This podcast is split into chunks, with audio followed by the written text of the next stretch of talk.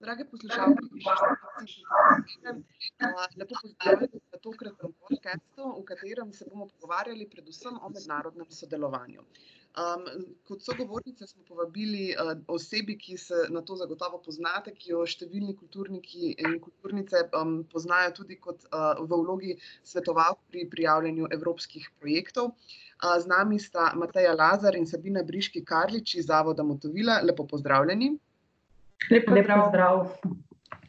Um, epidemija koronavirusa je zagotovo uh, precej spremenila način, kako se v kulturi uh, mednarodno povezujemo. Na nek način je bilo to nasilno prekinjeno, en, eden izmed takšnih temeljnih uh, pravzaprav načinov dela v kulturi.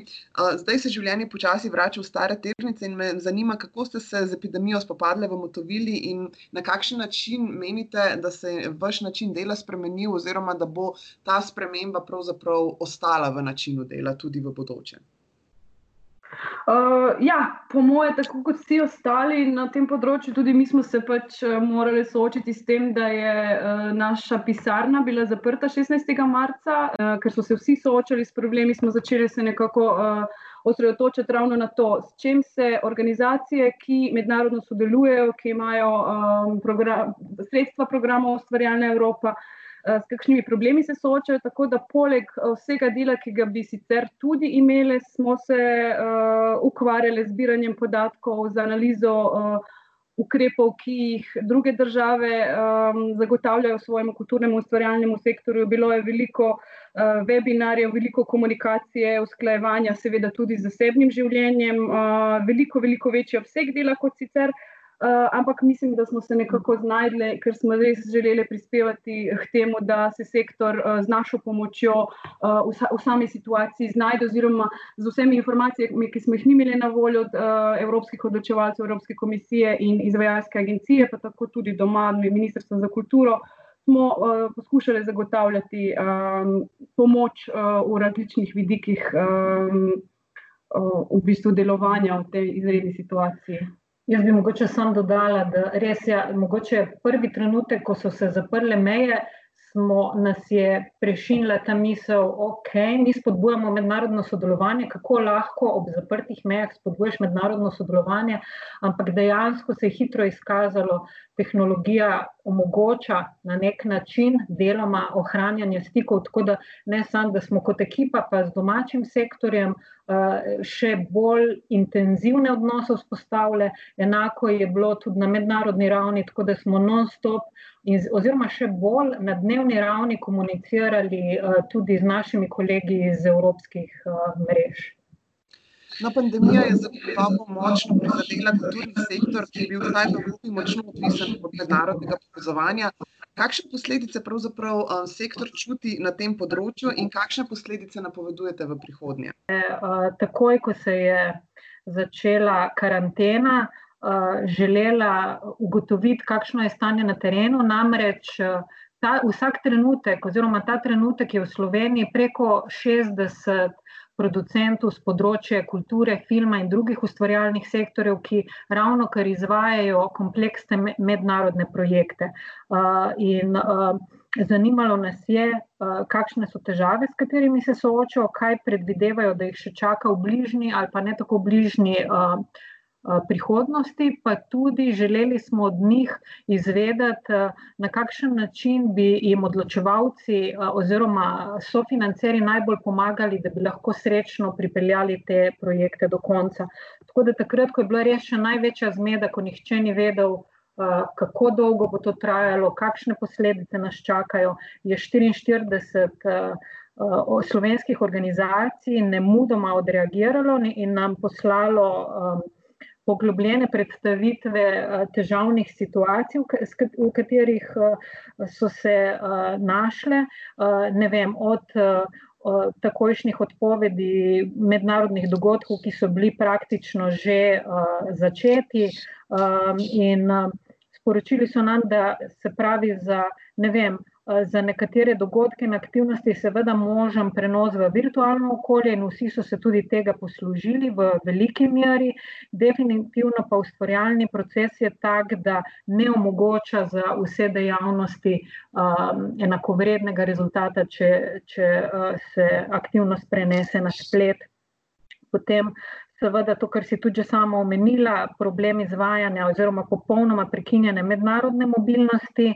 Uh, in uh, višji stroški, ki so povezani z vsemi temi spremembami uh, in pre, drugače zastavljenimi uh, projektnimi aktivnostmi. Uh, na, vsi so bili pa soglasni tudi glede tega, da uh, huje kot eh, recimo izvedeti, da ne vem, ne, nekega vira financiranja ne bo ali pa bo uh, prišel kasneje, je to, da nimaš nikakršne informacije. Se pravi, najhujši problem, ki so ga takrat uh, zaznali vsi enotno, ne glede na sektor, je ta negotovost, uh, ki je posledica tega, da od odločevalcev ni hitre in jasne informacije o tem, uh, kaj, kdaj in kako se bo izvajalo v prihodnosti.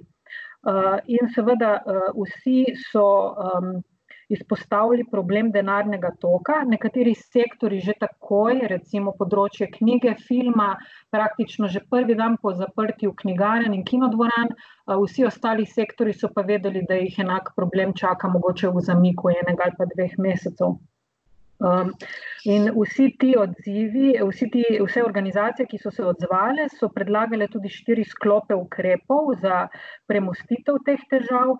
Tako da um, predlagali so možnost, da jim sofinanceri, eh, sofinanceri uh, omogočijo prilagoditev aktivnosti, fleksibilnost proračuna projekta in pa da so tudi uh, novo nastali drugačni stroški upravičeni. Potem večina se je zauzela za to, da bi imeli možnost projekte podaljšati, da bi recimo se znižal uložek upravičenca, zvišal pa delež sofinanciranja, v, recimo v našem primeru uh, strani Evropske unije, pa tudi doma z strani v glavnem Ministrstva za kulturo in drugih virov.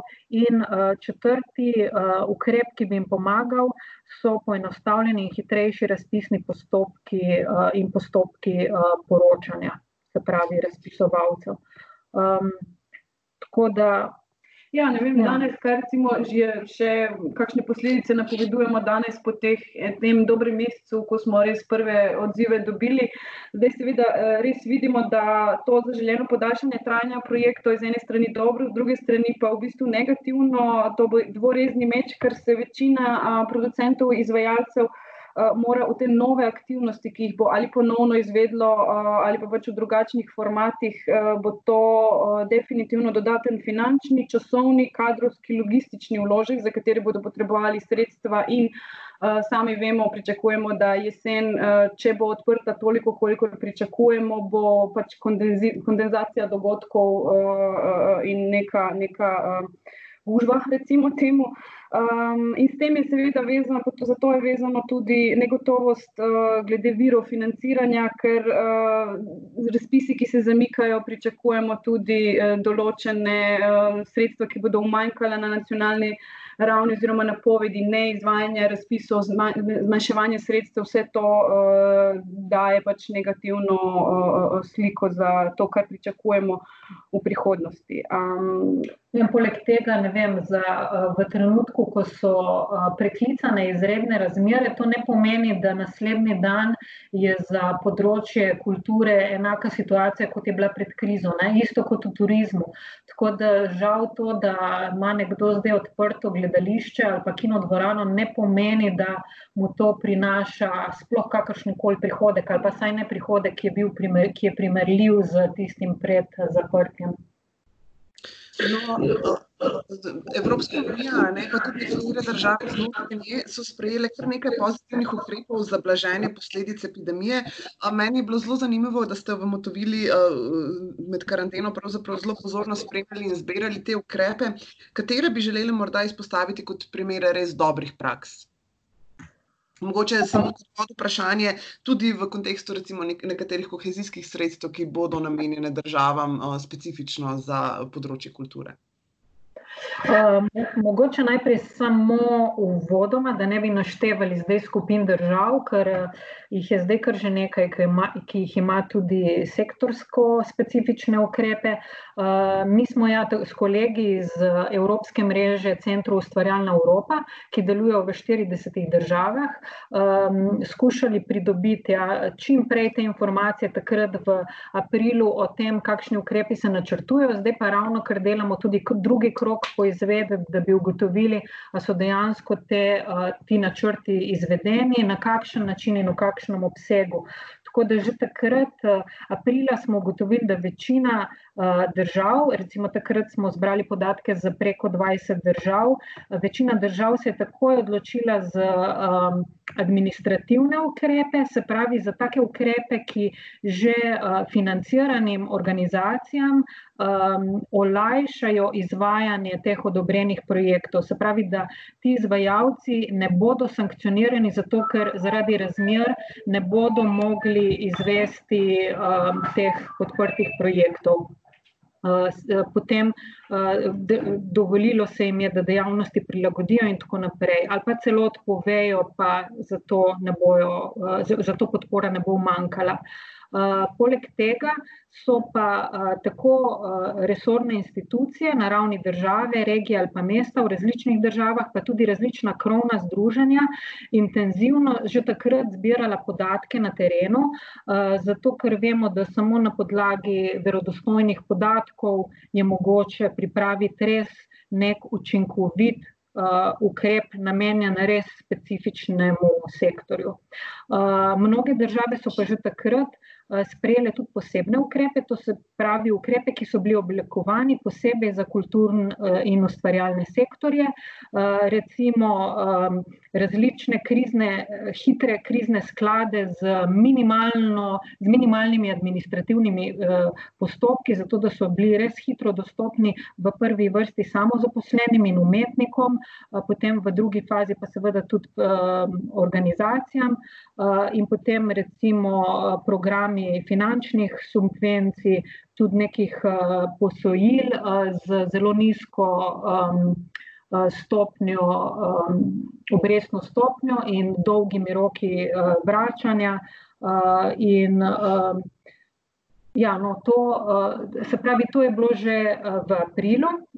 Uh, mogoče me pa zdaj Sabina lahko dopolni, kaj kažejo sveži podatki. Uh, ja, recimo. Um, Določena ministrstva za kulturo so res se odločila za uh, koordiniran uh, pristop k promociji, tako na digitalnih platformah, kot uh, raziskave, kaj v bistvu je uh, ta COVID-kriza prinesla, oziroma kakšne bodo posledice. In tako kot Evropska unija, ki je ugotovila, da, je, da kulturni in ustvarjalni sektor spadata pod pet najbolj ogroženih področji, ugotavljajo tudi države, ki so, ki so to vrstne raziskave naredile, naprimer Grčija, uh, Irska in in tako naprej. Mogoče bi še uh, dodala, da uh, smo ugotovili tudi na, na ravni uh, mest, uh, so določena mesta Evropska so uh, se znašla, hitro reagirala in tudi zagotovila določena sredstva in podporo za um, pač nove formate izvajanja. Uh, kulturnih projektov v času uh, COVID-a in zdaj potem. To pomeni, na, najbolj pogosto so to uh, sredstva za uh, projekte v digitalnih formatih ali pa pač neka nova, nove načine, ki tudi javni prostor na drug način izkoriščajo in umetnost približujejo občinstvu. Um, na filmskem področju lahko izpostavimo nordijske države, ki so zelo usklajen, tak pan državni pristop uh, oblikovali skupaj, uh, seveda Francija.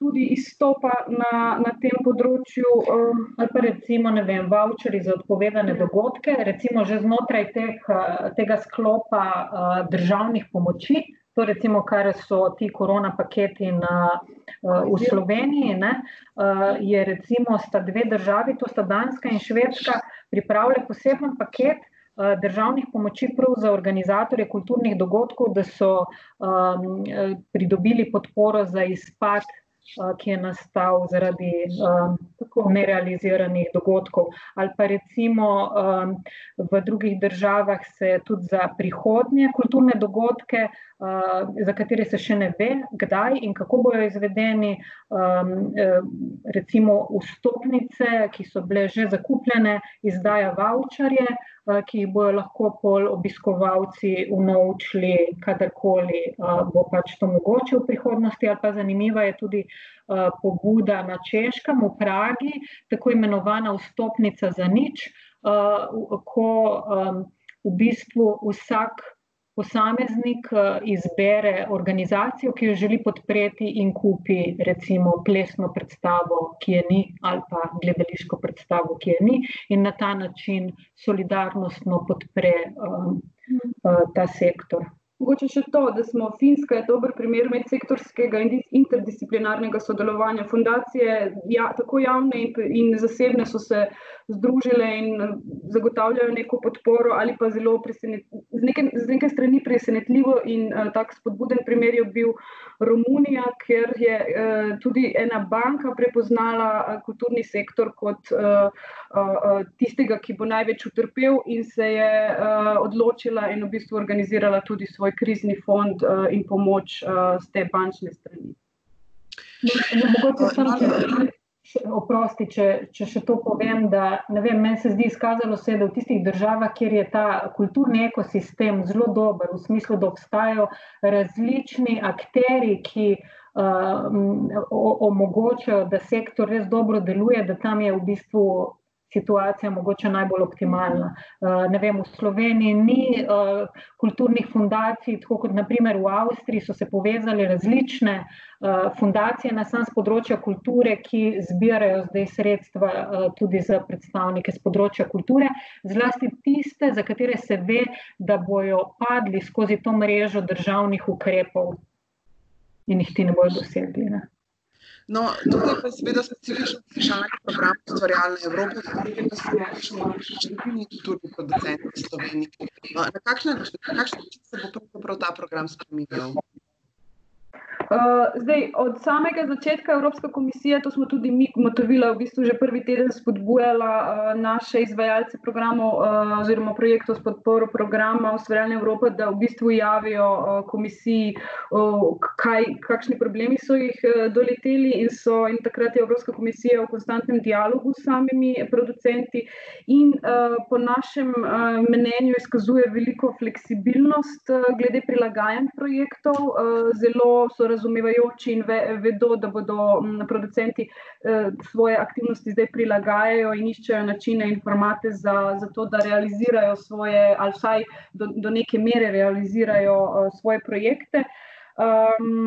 in mogoče, ja, Evropska komisija na splošno, na horizontalni ravni popolnoma upošteva tako imenovani princip višje sile. Seveda pa potem z vsakim upravičencem na bilateralni ravni dogovarja spremembe. Ampak vseeno mislim, da je najino enotno mnenje, da je tokrat pa kar pozitivno, ne presenečenje, ampak v bistvu sva zadovoljni, da je ta odziv komisije kljub kompleksnemu sistemu odločanja in upoštevanja nekih finančnih in pravnih pravil res aplicirala zdaj to fleksibilnost za vsakega upravičenca, no. Tako da vemo, komisija se zaveda, da da, da bojo akterji morali povsem spremeniti neke aktivnosti, ki so bile načrtovane mogoče dve leti nazaj. Tako, in zdi se nama, da je to mogoče ta situacija zdaj pokazala, da ja, zahtevni deleži sofinanciranja, ki jih morajo sami producenti zagotoviti, nekako pričakujemo, imamo neformalne informacije, da se bo to tudi v novem programu upoštevalo in da bodo manjši projekti v bistvu upravičeni do višjega sofinanciranja, kar je trenutna situacija zdaj res, res pokazala potrebo po tem. Upamo, da ta informacija je pač, bo res implementiran takšen način podpore projektom. Hkrati pa je komisarka Marija Gabriel že uh, pred časom napovedala tudi neke dodatne injekcije v program, uh, poleg teh, uh, te fleksibilnosti in sicer 2 milijona, oziroma po novih podatkih, skoraj 3 milijone evrov za čezmejno mobilnost v prizoritvenih umetnosti, zdaj seveda v teh razmerah s poudarkom na digitalni oziroma virtualni izmenjavi. Uh, v bistvu vsak čas čakamo na najavo um, razpisa v okviru te nove scheme. Uh, in uh, potem 5 milijonov evrov dodatnega denarja, ki ga je odobril Evropski parlament za kinematografe, ki delujejo v okviru Evropske mreže Evropa Cinemas, potem tudi dodatna sredstva za literarne prevode v okviru podprograma Kultura že za letošnje leto. Uh, poleg tega je pa takrat, takoj, ko se je zgodila kriza, komisija podaljšala nekatere razpisne roke, da bi ja, uh, zato ker smo vedeli, da sektor je bil takrat ohromljen, veliko inštitucij ni bilo uh, takrat sposobnih dejansko um, izvesti do konca teh um, prijavnih postopkov, tako da so razpise, razpisne roke podaljšali, hkrati pa tudi za vse tiste razpise, kjer se postopki ravno kar izvajajo. Komisija obljublja skrajšanje rokov, tako da ravno včeraj oziroma v petek smo dobili že rezultate za najbolj zaželene razpis za projekte sodelovanja kultura in tudi še en razpis za sodelovanje z regijo Zahodnega Balkana. Za ta razpis tudi upamo, da bojo rezultati kmalo tu in da se bo jeseni lahko Seveda, zato da bi jeseni že uh, uspešne organizacije pridobile podporo na svoj račun. Uh, hkrati pa komisija obljublja tudi spremembe v okviru tako imenovane jamstvene scheme za ta uh, sektor. Uh, to je posebna schema, ki omogoča, da sektor pridobi, um, kar je sicer praktično nemogoče, bančna posojila. Uh, ampak žal ta schema v tej schemi Slovenija trenutno ne sodeluje, tako da je mogoče za nas mal irrelevantna ta trenutek. Ja. Poleg tega pa še mogoče dve stvari. Um, eno je, da uh, tudi na drugih področjih, oziroma komisija uh, je seveda ugotovila, da to izmenjava informacij in izkušenj dobrih praks uh, je zelo potrebna, zato je organizirala in uh, dve um, platformi digitalni za to vrstno izmenjavo širši javnosti je dostopna uh, tako imenovana Creative Unite platforma, ker je res različni, ogromno različnih primerov dobrih praks.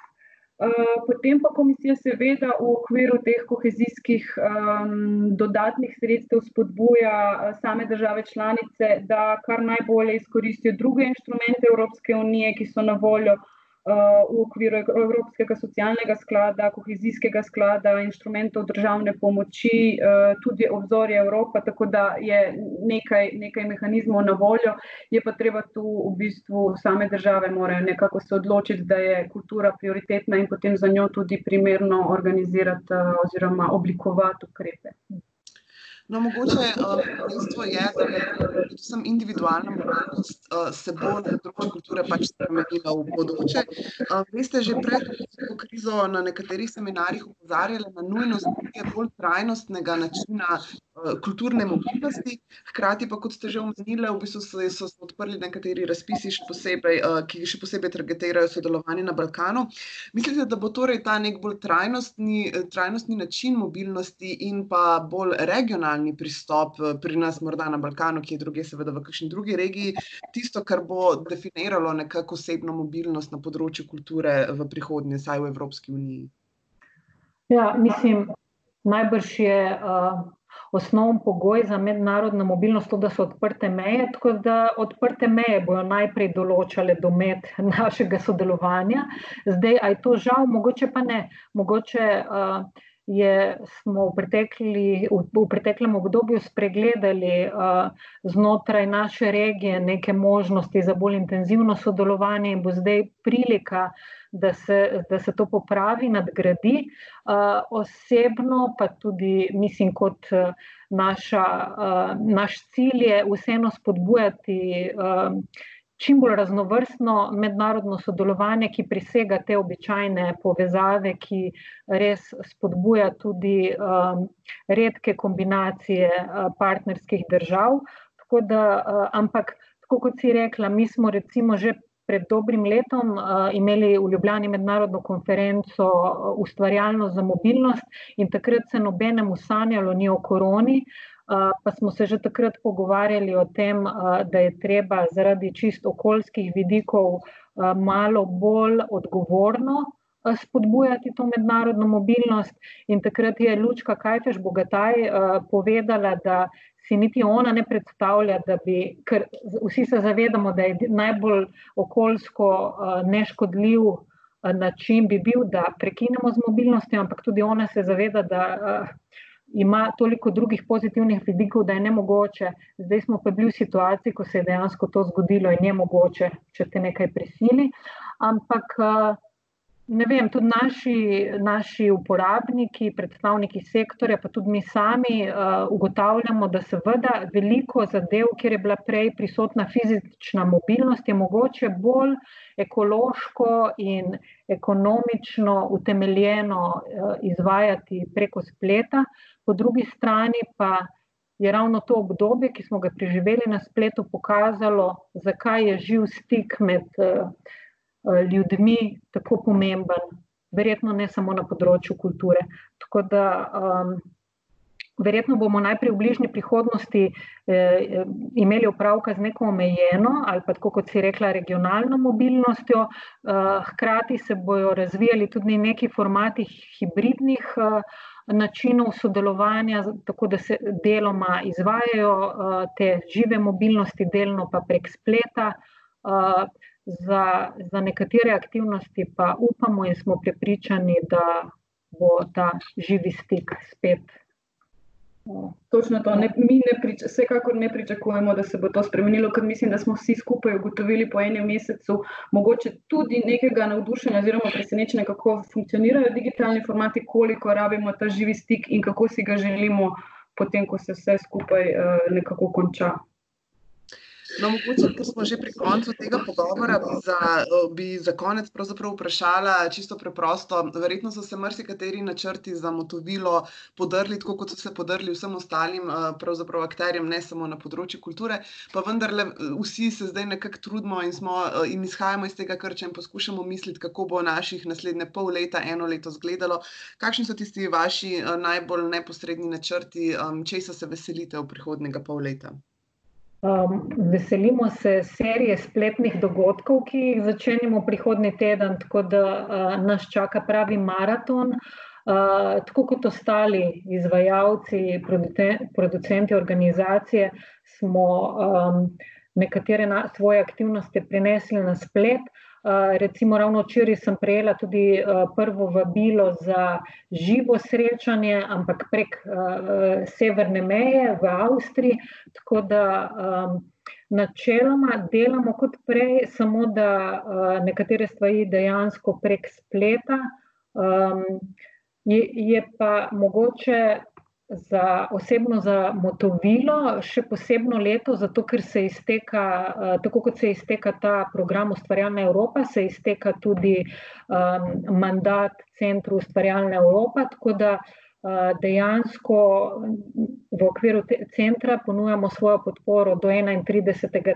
decembra, s prihodnim letom pa upamo, da bo Ministrstvo za kulturo, ki je doslej omogočalo to, ta program, podaljšalo pogodbo, tako da bomo še vedno na voljo sektorju. Tako, ja.